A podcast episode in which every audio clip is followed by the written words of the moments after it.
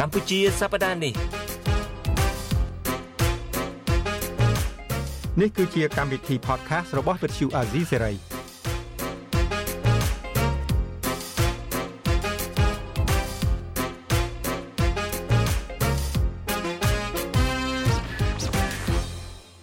បាទខ្ញុំបាទយ៉ងច័ន្ទតារាសូមជម្រាបសួរលោកអ្នកនាងដែលកំពុងស្ដាប់កម្មវិធី podcast កម្ពុជាសប្តាហ៍នេះរបស់ Vuthu Azizi Serai ហើយក៏សូមជម្រាបសួរពូពលីដែរបាទ ជម្រាបសួរតារាហើយជម្រាបសួរមិត្តអ្នកស្ដាប់ដែរបាទបាទមិនដែរពូពលីសប្តាហ៍នេះជួបគ្នាទៀតហើយខ្ញុំបានធ្វើជាមួយពូនឹងចូល3អាទិត្យហើយទាំងលើកនេះ3អាទិត្យ4អាទិត្យយកបានទេមកទៅបានហើយសប្បាយចិត្តទៀត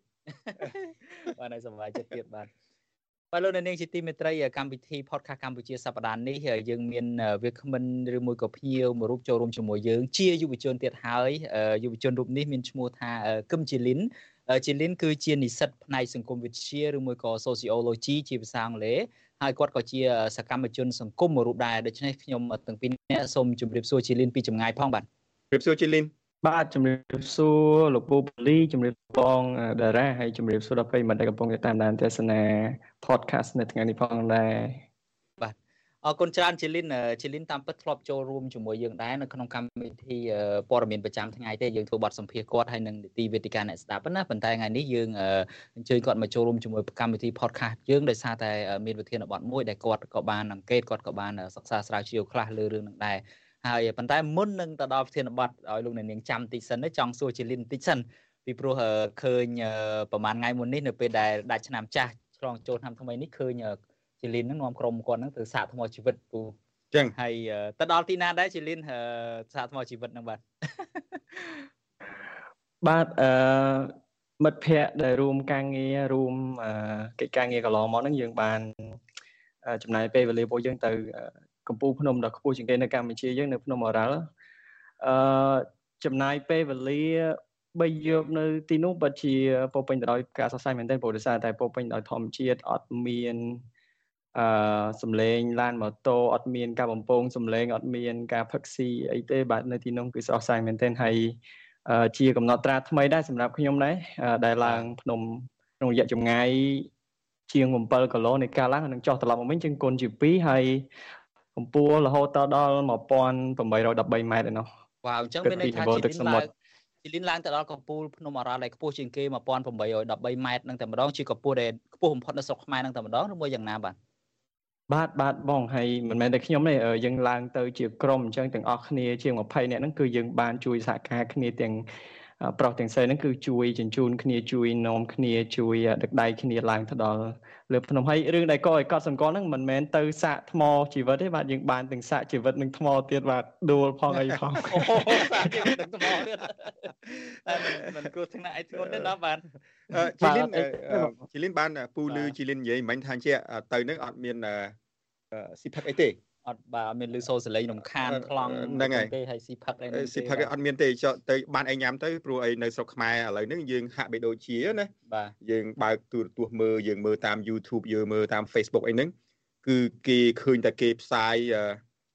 គ្រឿងសង្វឹងស្រាបៀរហើយនិងទឹក energy drink បាទទឹកអីគេ energy drink គេហៅភេសជ្ជៈបើកម្លាំងភេសជ្ជៈបើកម្លាំងបាទហើយបើសិនជាយើងអ្នកឯនាយសមុទ្រនេះបើសិនជាពូបើកមើល TV YouTube Facebook ហ្នឹងថាគិតថាប្រទេសកម្ពុជាឥឡូវហ្នឹងគេលែងញ៉ាំទឹកអីហើយគេក្រៅពីបៀហើយនឹងទឹកកំពៅកម្លាំងហ្នឹងមិនទៅហើយហេតុអីនាំគ្នាឡើងភ្នំទៅប៉ះថ្មជីវិតជីវិតប៉ះថ្មអីហ្នឹងអត់យករបស់អញ្ចឹងអញ្ចឹងទៅសបាយមិនកើតទៅលោកបាទពូទីប៉ាទៅទីប៉ាទៅនៅភ្នំអរ៉ាល់មានទឹកបរិសុទ្ធដែលយើងអាចបរិភោគបានពូទឹកអូ ទឹកដ៏សែនផ្អែមត្រជាក់ពោពេញទៅដោយសារធាតុរ៉ែជំនួយការផឹកគ្រឿងសង្វឹងអឺហើយដោយសារតែពួកខ្ញុំទាំងអស់គ្នាយើងមើលឃើញអំពីភាពអណោយអធមនៃប្រជាពលរដ្ឋកម្ពុជាយើងដែលនាំគ្នាពិសាគ្រឿងសង្វឹងហើយមិនមែន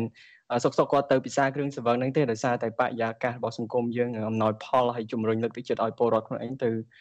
អឺប្រើប្រាស់គ្រឿងសង្វឹងនឹងច្រើនហើយមិនមែនតែគ្រឿងសង្វឹងទេសម្បូរបែបទៅដោយភេសជ្ជៈបើកម្លាំងផងដែរ ទាំងអស់ហ្នឹងអត់ដែរផ្ដល់ភាពវិជ្ជមានដល់អ្នកប្រើប្រាស់ទេបើសូម្បីតែខ្ញុំខ្លួនឯងផ្ទាល់ក៏មិនដែរនឹកគិតថានឹងទៅប្រើប្រាស់វាដើម្បីបើកម្លាំងអីដែរព្រោះខ្ញុំគិតថាដូចជាកាត់អាយុខ្លួនឯងម្ដងបន្តិចម្ដងបន្តិចដែរអញ្ចឹងទាំងអស់គ្នានេះអឺមានតែទឹកបរិសុទ្ធទេហើយជំនួសឲ្យទឹកបរិសុទ្ធដែលយើងយកទៅនឹងអស់ក៏យើងហូបទឹកអូនៅលើភ្នំនឹងតែម្ដងយើងបរិសុទ្ធបរិភោគទឹកអូនៅទីលើនៅលើកំពូលភ្នំនឹងតែម្ដងព្រោះនៅទីនោះមានទឹកអូត្រជាក់ហើយផ្អែមឆ្ងាញ់ ផ្អែមឆ្ងាញ់ជាងភេសជ្ជៈបើកម្លាំងគេផ្សាយពាណិជ្ជកម្មនៅលើទូរទស្សន៍នៅលើប្រព័ន្ធផ្សព្វផ្សាយទៅទៀតដំបូងថាលាក់ប្រធានបទសិនអត់ឲ្យអត់ដល់ណៃលោកអ្នកនាងដឹងទេជជែកគ្នាសំណេះសំណាលប៉ុន្តែដល់ពេលជជែកទៅចូលប្រធានបទតែម្ដងចូលព្រោះរឿងនឹងវារឿងនឹងវាធំហើយវាវាវាប៉ះពាល់មនុស្សច្រើនណាបាទបាទបាទយើងជជែកគ្នាថ្ងៃនេះដូចពូពូលី5ម៉ាញ់មិញហ្នឹងចឹងគឺថាយើងជជែកគ្នាជុំវិញរឿងការផ្សព្វផ្សាយផលិតផលគ្រឿងសង្វឹងហ្នឹងភ្លុកទឹកភ្លុកដីមែនតែនហើយយើងឃើញថាមានគុណវិបត្តិច្រើនតកតងទៅនឹងរឿងគ្រឿងសង្វឹងនេះហើយកន្លងមកក៏ធ្លាប់មានអង្គការសង្គមស៊ីវិលយុវជនប្រជាពលរដ្ឋមួយចំនួននោះបានធ្វើការតស៊ូមតិខ្លាំងក្លាសម្បើមដែររឿងគ្រឿងសង្វឹងនេះពីព្រោះថាគុណវិបត្តិមួយដែលគេមើលឃើញផ្ទាល់នឹងផ្នែកហ្នឹងទី1ខាត់បងថាវិការយើងចំណាយលុយទៅទិញទី2 បកជាទំនាស់ក្នុងគ្រួសារអំពើហិង្សាផ្សេងផ្សេងចឹងទៅទី3កើតមានវិបត្តិផ្លូវចិត្តហើយបើជាយុវជនវិញទៅនឹងគឺថាគាត់អាចបោះបង់ចោលការសិក្សាគាត់អាចធ្លាក់ខ្លួនក្នុងអំពើអបាយមុខឆ្លងជំងឺផ្សេងផ្សេងទៀតអញ្ចឹងគុណវិបត្តិវាមានច្រើនមែនទែនហើយជាពិសេសទៅទៀតហ្នឹងគឺគ្រោះថ្នាក់ចរាចរណ៍មួយចំណែកណានោះក៏រួមចំណែកដោយសារតែរឿងការប្រើប្រាស់គ្រឿងសង្វឹងច្រើនហួសហេតុហ្នឹងដែរ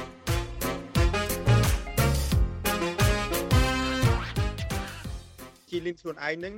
មូលហេតុដែលមិនញ៉ាំស្រាបៀរមិនញ៉ាំគ្រឿងសង្វឹងហ្នឹងដោយសារអីដោយសារការយល់ដឹង ការធ្វើប្រតិបត្តិតាមព្រះពុទ្ធសាសនាឬក៏គិតថាអ្វីដែលយកទៅដាក់ក្នុងខ្លួនហ្នឹងគឺជារបស់មិនគប្បីហេតុអីក៏យើងអាចទប់ស្កាត់បាននៅពេលដែលមួយថ្ងៃមួយថ្ងៃបើកភ្នែកមកឃើញការផ្សាយពាណិជ្ជកម្មនឹងរហូតហ្នឹងវាវាជាគ្រឿងបំពុលដែលអឺ អ្នកខ្លះឬក៏យើងអាចនិយាយសំដៅទៅលើអ្នកទុច្ចរិតមួយចំនួន ដែលគាត់មានឥទ្ធិពលនៅក្នុងសង្គមឬក៏គាត់អាចក្តោបក្តាប់ធ្វើឲ្យអឺមានការរិះសាយភាននៃគ្រឿងសង្វឹងហ្នឹងគាត់ប្រើប្រាស់អាហ្នឹងជាចេតនាមិនល្អក្នុងការបម្រើ ទៅបង្វក់ធនធានយុវជនអីជាដើមហ្នឹងជាស្ដែងយើងឃើញអ្នកសេពគ្រឿងសង្វឹងគ្រាន់តែលើកទឹកចិត្តដល់យុវជនឬក៏ភេសជ្ជៈបើកម្លាំងអីជាដើមគឺលើកទឹកចិត្តដល់យុវជនហើយគ្រឿងទាំងអស់ហ្នឹងអត់មានទៅបានជំរុងចម្រើនសុខភាពរបស់អ្នកប្រើប្រាស់ឯច្រើនតែមកបំផ្លាញទាំងស្មារតីហើយនឹងសុខភាពរូបរាងកាយដែរអញ្ចឹងខ្ញុំគិតថាអឺដោយសារយើងមើលឃើញបែបហ្នឹងហើយយើងពុំគួរណាទៅសេពវាទៀតទេព្រោះអឺយើងស្ដាយនៅសក្តានុពលផ្ទាល់ខ្លួនយើងដែលយើងអាចធ្វើកិច្ចការងារបានវែងឆ្ងាយជួយដល់សង្គមជាតិ គ្រាន់តែកិច្ចវេះពីគ្រឿងសង្វឹងហ្នឹងហើយត្រឡប់មកយកពេលវេលាហ្នឹងសុខភាពល្អរបស់យើងថែសារសុខភាពល្អរបស់យើងទៅជួយសង្គមជាតិខ្ញុំគិតថាអានឹងទៅជាផ្លែផ្កាពិតប្រកបអឺសម្រាប់សង្គមជាតិជាជាងយើងទៅយកពេលវេលារបស់យើងហ្នឹងទៅកំសាន្តទៅកំដរជាមួយគ្រឿងសង្វឹងទាំងអស់ហ្នឹងខណៈពេលដែលគ្រឿងសង្វឹងទាំងអស់ហ្នឹងមានមនុស្សមួយចំនួនគេប្រើប្រាស់វាក្នុងចេតនាមិនល្អដើម្បីបន្ថយសក្តានុពលរបស់ពួកយើង ទប់ពួកយើងកុំឲ្យពួកយើងខ្វាយខ្វល់ពីសង្គមជាតិខ្វាយខ្វល់តែភាពសប្បាយរីករាយហើយវង្វេងវង្វាន់ពីព្រឹកទល់ល្ងាចហើយពីល្ងាចទល់យប់អញ្ចឹងហើយគូផ្សំជាមួយនឹងពេលវេលាឈប់សម្រាកបុណ្យទានរបស់កម្ពុជានឹងវាច្រើនផងអញ្ចឹងផ្ដល់លក្ខណៈអំណោយផលឲ្យយើងនឹងមានឱកាសទៅកំសាន្តអញ្ចឹងពូសុំនិយាយមកបន្តិចតារានិយាយច្រើនតិចទៅថ្ងៃវេទិកាពូហើយឃើញទេអឺ ក្មួយផ្អែមចូលផ្អែមឡើងឌឺឲ្យពូភ្លាមតាមពិតទេដូចតារាដឹងហើយពូជាមនុស្សដែលចូលចិត្តកីឡាបាទហើយអឺកីឡាដែលពូចូលចិត្តមែនទែនហើយពូព្យាយាមគ្រប់គ្រងពីចម្ងាយទៅនឹងគឺគុណខ្មែរបាទពូចូលចិត្តមើលគុនខ្មែរណាហើយពូសប្បាយចិត្តណានៅពេលដែលឃើញកីឡាករខ្មែរហ្នឹងមានការរីកចម្រើនហើយ វាយឈ្នះពួកបរទេសហ្នឹងច្រើនដែរចង់មិនចង់ក៏ដោយយើងជាខ្មែរក៏យើងមានមោទនភាពដែរបាទនៅពេលដែលយើងមើលតាម YouTube ឬ Facebook នឹងនៅពេលដែលគេប្រកួតគុណខ្មែរនេះគឺថាការផ្សាយពាណិជ្ជកម្មស្រាបៀរនឹងគឺថាម្ដងហើយម្ដងទៀតម្ដងហើយម្ដងទៀតម្ដងហើយម្ដងទៀតបាទអឺពេលមុនផ្សាយនឹងមុនមុនវាយមុនប្រកួតនឹងគេផ្សាយរហូតបាទក្នុងពេលប្រកួតនឹង អឺអឺអ្នក make announcement នឹងបាទពិធីករពិធីករបាទគុណស្រាបៀរនេះអស់គុណស្រាបៀរនោះដែលជួយឧបត្ថម្ភយើងយល់ថាដើម្បីឲ្យកីឡាករឬក៏ឲ្យការផ្ដល់គុណខ្មែរនេះមានការរីកចម្រើនតើតែមានអ្នកឧបត្ថម្ភបាទប៉ុន្តែគ្រាន់តែការផ្សាយនឹងវាហួសប្រមាណបាទបើប្រៀបធៀបទៅនឹងអ្វីដែលយើងឃើញនៅសហរដ្ឋអាមេរិកគឺថានៅសហរដ្ឋអាមេរិកមានស្ថាប័ន UFC អឺដែលធំជាងគេហ្នឹង មានស្រាបៀរមួយនោះគឺជាជា sponsor គេដាក់ថាអឺការប្រកួតនេះគឺ sponsor អឺធានារ៉ាប់រងមិនអញ្ចឹងហ៎ឧបត្ថម្ភដោយបាទឧបត្ថម្ភដោយតែប៉ុណ្្នឹងឯងគេអត់មាននិយាយអីលើសពីហ្នឹងឯងបាទយើងនោះឃើញអាផ្ទាំង advertisement ហ្នឹង commercial ហ្នឹងបាទពាណិជ្ជកម្មហ្នឹងលើកយកមកញ៉ាំលើកដាច់ដាច់ឲ្យទាទៀតមានទាំងចាស់មានទាំងក្មេងគឺថាគ្រប់ពេលវេលាទាំងអស់បើសិនជាយើងបើសិនជាយើងអឺឆ្ងល់យើងមិនធ្លាប់យើងប្រកាសជាចង់សាកឯង ប៉ុន្តែបើយើងអឺចាស់ទុំមានអ្នករៀនសូត្រអីត្រឹមត្រូវស្រួលបួលដូចជាលីននេះជាដើមបាទយើងមានការនឿយណាយធុញធុញទ្រាន់ហើយថាបើពង្វក់ពង្វក់យ៉ាងហ្នឹងតើមនុស្សណាអាចអាចប្របាក់ទប់ចិត្តដែរហើយក្នុងពេលជាមួយគ្នានឹងបើតាមពូដឹងណាយាជីលីនជួយកែពូផងបើពូខុសគឺថានៅស្រុកខ្មែរហ្នឹងអ្នកណាក៏ដោយពេលណាក៏ដោយឲ្យតែមានលុយទៅទិញស្រាគេលក់ឲ្យហើយបាទតើមានច្បាប់ទម្លាប់ ថាតើអ្នកមានអ្នកណាអាយុប្រមាណអាចទៅទិញស្រាបាន មានច្បាប់ទម្លាប់ថាអាយុប្រមាណអាចញ៉ាំស្រាបានទេនៅស្រុកខ្មែរយើងនឹងអត់មានទេពូអត់មានទេហើយលើសពីការរំពឹងទុកនឹងទៀតគឺក្មេងត្បិតតែកន្លងមកធ្លាប់មានការអឺថ្លែងជាសាធារណៈហាម5មិនអោយក្មេងៗមិនតន់គ្រប់អាយុនឹងទៅទិញស្រាឬក៏ឲ្យពុកម្ដាយទៅទិញស្រានឹងត្រូវជាប់ពីនៃអីជាដើមនោះប៉ុន្តែវាគ្រាន់តែជាសំឡេងដែលរសាត់ ចេញពីម្ខាងហើយក៏រសាយបាត់ទៅអញ្ចឹងគ្មានជារូបរាងអីអនុវត្តឃើញជារូបភាពជាក់ស្ដែងទេពូអឺខ្ញុំប្រទះភ្នែកហើយខ្ញុំស្ដាប់ផ្ទាល់នឹងតិចតែម្ដងអឺសង្វេគក្នុងចិត្តដែរពេលដែលជិះមកពីសាលារៀនកាត់តាមផ្សារហើយឃើញម្ដាយគាត់ស្រែកកំហុកទៅក្មេងតូចជាប្រហែលជាកូនរបស់គាត់ហើយមើលទៅថា អានាងទៅទិញស្រាមកហើយហុចលុយឲ្យហើយនឹងកវលកំប៉ុងប្រហែលជាផ្ដើឲ្យកូនហ្នឹងទៅបដូរកវលកំប៉ុងហ្នឹងហ្មងពេលនោះខ្ញុំឈប់បន្តិចហើយក៏សន្លឹងមើលទៅក្មេងហ្នឹងទាំងក្មេងហ្នឹងទឹកមុខរៀងមិន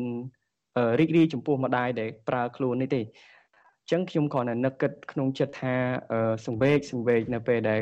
បងប្អូនក្មេងៗតូចតូចហ្នឹង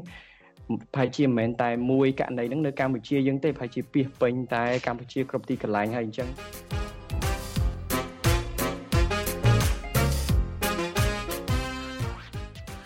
ចង់និយាយរឿងច្បាប់មិញហ្នឹងច្បាប់ខ្លះហ្នឹងគឺមហាសែនលឿនគឺថាចេញមកតែប្រហែលថ្ងៃទេគឺចេញពីរដ្ឋាភិបាលចេញមកអនុវត្តបាទចាប់ដាក់គុកភ្លាមបាទហ្នឹងហើយវាលឿនលឿនហួសមៀតប៉ុន្តែករណីច្បាប់ស្ដីពីការត្រួតពិនិត្យផលិតផលគ្រឿងសង្វឹងដែលក្រសួងសុខាភិបាលតាក់តែងឡើងតាំងតែពីឆ្នាំ2015ហ្នឹងគឺថាអត់ចេញរួចតែម្ដងពីគណៈរដ្ឋមន្ត្រីហ្នឹងវាតែចេញរួចហ្នឹងគឺថាការចុះបញ្ជីក្រុមហ៊ុនស្រាបៀរធំធំទៅវិញ អឺពី3ឆ្នាំហ្នឹងក្នុងគ្រាន់តែរយៈពេល2 3ឆ្នាំចុងក្រោយហ្នឹងមានក្រុមហ៊ុនស្រាបៀរ2នោះគឺថាអឺចាប់ដើមផលិតដូចថាវិនិយោគក្នុងទឹកប្រាក់300លានដុល្លារជាងមានក្រុមហ៊ុនស្រាបៀរ2ហ្នឹងហើយយើងមិនបញ្ចេញឈ្មោះទេអឺក្រុមហ៊ុនស្រាបៀរ2ហ្នឹងគឺថាធ្វើ marketing ធ្វើទីផ្សារហ្នឹងសម្បើមខ្លាំងមែនទែនមានមួយនោះគឺថារហូតដល់ធ្វើកម្មវិធីអឺកោះគោយកកវលកំប៉ុងយករង្វាន់តែម្ដងហ្នឹងហើយយើងមើលទៅគឺអណោចអធមមែនទែនដូចជាលៀនលើកឡើងអញ្ចឹង ទាំង YouTuber អឺ YouTuber អ្នកធ្វើវីដេអូតាម YouTube ទាំងពួក influencer អ្នកធ្វើវីដេអូអឺសម្រាប់អប់រំផលិតមេតិកា content អីផ្សេងផ្សេងហ្នឹងក៏នាំគ្នាទទួលយកគេពួក admin នោះស្អីគេបាទហៅពួក admin នោះ admin ហ្នឹងគេថាគេឥឡូវនេះគេថានៅពេលគេអូពួក admin ពួក admin ពួកអ្នកកាន់ page កាន់អីហ្នឹងពួកអ្នកអូខេនៅក្នុងន័យអ្នកធ្វើមេតិកាហ្នឹងអូខេនាំគ្នាទទួលយកការ sponsor ពីស្រាបៀរហ្នឹងហើយនាំគ្នា content របស់គាត់ដែលផលិតឡើងជួយជួយ content ខ្លះគឺធ្វើ promote ស្រាបៀរតែម្ដងអញ្ចឹងហើយដែលនេះគឺជាចំណុចមួយដែលជាបញ្ហាចោតមែនទែនច្បាប់ចេញមិនរួចចេញរួចតែស្រាបៀរបាទតើតើយើងតើតារាឬក៏ក្មួយជីលីនអាចវិភាគបានទេបាននេះថាមូលហេតុអីដែលដែលច្បាប់ចេញមកដើម្បីការពារប្រជាពលរដ្ឋជាពិសេស យុវវ័យណាបាទយុវជនយុវជនដែលជាទំពាំងស្នងរិស័យហ្នឹងបាទរស់នៅក្នុងប្រទេសដែលមានមហាសន្តិភាពអស្ចារ្យដ៏មហិមាហ្នឹងចេញឲ្យរួចហើយទៅចេញជារោងចក្របាទចេញរោងចក្រស្រារោងចក្រស្រាបៀរហ្នឹងហើយរាល់ថ្ងៃហ្នឹងមានរហូតដល់7 8ផងឯងមិនតារា7 8ហ្នឹងតែតែ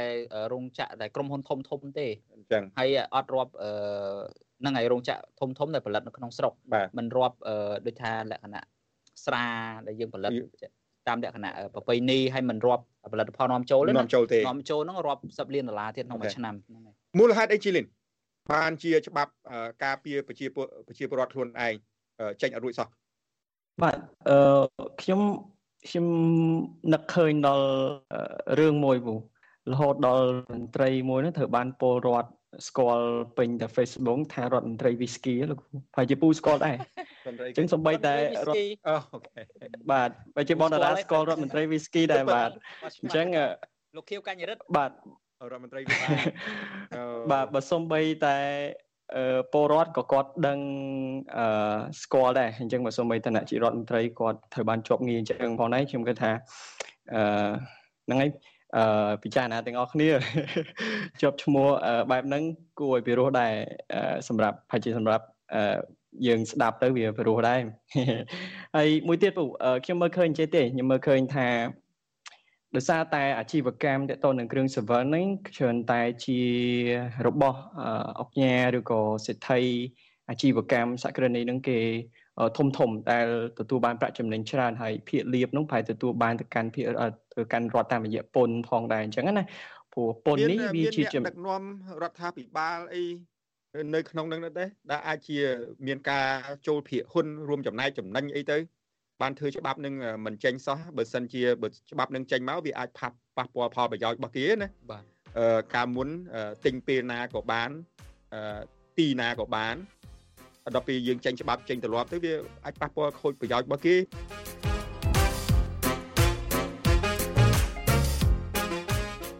ខ្ញុំមានតួលេខមួយដែរតាមពិតតួលេខនេះគឺជាតួលេខរបស់ក្រសួងសុខាភិបាលតែម្ដងបើសិនជាលោកណានាងចន្លោះឬមួយក៏អត់ចិត្តបានអត់តួលេខចេញពីតួលេខនេះគេហៅថារបាយការណ៍ស្ដីពីការអង្កេតប្រជាសាស្ត្រនិងសុខភាពកម្ពុជា2021 2022 ហើយទៅតែចេញផ្សាយកាលពីខែមេសា2023ហ្នឹងទេអូខេគេនិយាយថាម៉េចយើងលេខម៉ានបានលេខ1អត់គេមិននិយាយថាយើងបានលេខម៉ានទេប៉ុន្តែលោកនាងអាចវិភាគខ្លួនឯងទៅគឺបរោះ7នាក់នៅក្នុងចំណោម10នាក់គឺទទួលទានគ្រឿងស្រវឹងមានន័យថា70 70%គឺទទួលទានគ្រឿងស្រវឹងប្រុសប្រុសនៅស្រុកខ្មែរខ្វះតែ3នាក់ទៀត100 100%បណ្ដោយនឹងបរោះបរោះចុះស្ត្រីវិញស្ត្រីមាន16% មានន័យថាយើងគិតជាសាមញ្ញថា1.6នាក់ឬមួយ7.2នាក់នៅក្នុងចំណោម10នាក់ទទួលទានគ្រឿងស្រវឹងនិន្នាការសម្រាប់ស្ត្រីហើយអ្វីមួយដែលយើងគួរឲ្យសោកស្ដាយជាទីបំផុតនោះគឺជាលីនបានលើកបំបែកមិញនឹងដែរ content creator ឬមួយក៏ influencer អ្នកបង្កើតមាតិកាអ្នកដែលដើរតួនាទីសំខាន់នៅក្នុងយុគសម័យថ្មីនេះយុវជនដែលគាត់ចេះច្នៃប្រឌិតបង្កើតមាតិកាថ្មីថ្មីផ្សព្វផ្សាយលើ Facebook លើ YouTube លើអីហ្នឹង TikTok អីហ្នឹង អ្នកខ្លះជ្រើសរើសយកការផ្សព្វផ្សាយឲ្យក្រុមហ៊ុនស្រាបៀរតែម្ដងជា brand ambassador brand ambassador អ្នកខ្លះគេថាទូតសុឆន្ទៈតាមពិតមិនមែនទេបើន័យសាមញ្ញហ្នឹងគឺថាអ្នកតំណាងឲ្យផលិតផលក្រុមហ៊ុននឹងឯងទូតសុឆន្ទៈណាសុឆន្ទៈមកពីណាបើគាត់ទទួលយកលុយគេដើម្បីមកផ្សព្វផ្សាយគ្រឿងសង្វឹងអីចឹងហ្នឹងហ្នឹងប្រហែលជាមាននិន្នាការមួយហើយដើម្បីបង្វក់យុវជនទំពាំងស្មងរស័យរបស់យើងនឹងមិនឲ្យគិតវែងឆ្ងាយទេព្រោះគិតវែងឆ្ងាយទៅមនុស្សដល់ពេលចេះគិតចេះគូចេះពិចារណាចេះទៀមទាសិទ្ធិសេរីភាព បើបង្វក់ឲ្យស្វឹងបង្វក់ឲ្យភ្លេចគិតតែពីសន្តិភាពคล้ายคล้ายនឹងអាចគេនឹងកាន់តំណែងកាន់អំណាចបានយូរអញ្ចឹងពូបើសិនជាយើងសាកវិភាគអពូអឺធម្មតាមេដឹកនាំឈ្មោះជាមេដឹកនាំគឺជាអ្នកដែលចាត់ចែងធនធានធនធានមនុស្សក្តីធនធានធម្មជាតិអីក្តីត្រូវចាត់ចែងប្រកបដោយចីរភាពជាដើម ដូចយើងទទួលស្គាល់ហើយថាកម្ពុជាយើងមានក្រុមមនុស្សដែលជាយុវជនហ្នឹងគឺច្រើនបើធៀបជាមួយនឹងក្រុមអាយុក្មេងឬក៏មនុស្សវ័យចំមីចំណានអញ្ចឹងយើងជាយុវជនហ្នឹងគឺច្រើនហើយប៉ុន្តែធម្មតាគួរណាតែចាត់ចែងឲ្យយុវជននឹងទទួលបានការអប់រំពេញលេញគុណភាពសុខាភិបាលអីប៉ុន្តែផ្ទុយមកវិញបែរជាបង្ងើយកតោជាមួយធនធានសម្បូរសម្បូរបែបហ្នឹងដូចជាយុវជនសម្បូរច្រើនបែបហ្នឹងផងប៉ុន្តែអត់បានជា ចាត់ចែងឲ្យសមស្របទៅតាមធនធានដែលកំពុងតែមានសក្តានុពលតែផ្ទុយមកវិញបែរជាចាក់បញ្ចូលគ្រឿងអបាយមុខចូលនៅក្នុងប្រទេសនៅក្នុងសង្គមឲ្យអាណាធិបតេយ្យបែបនេះទៀតខ្ញុំគិតថាប្រកាសជាមានចេតនាប៉ុន្តែមិនទាន់មានអីជាសម្អាងថានរណាជាអ្នកនៅក្រោយចេតនានយោបាយហ្នឹងទេខ្ញុំតែខ្ញុំនឹងមើលខ្ញុំវិភាគទៅខ្ញុំមើលឃើញថាបែបហ្នឹងដែរ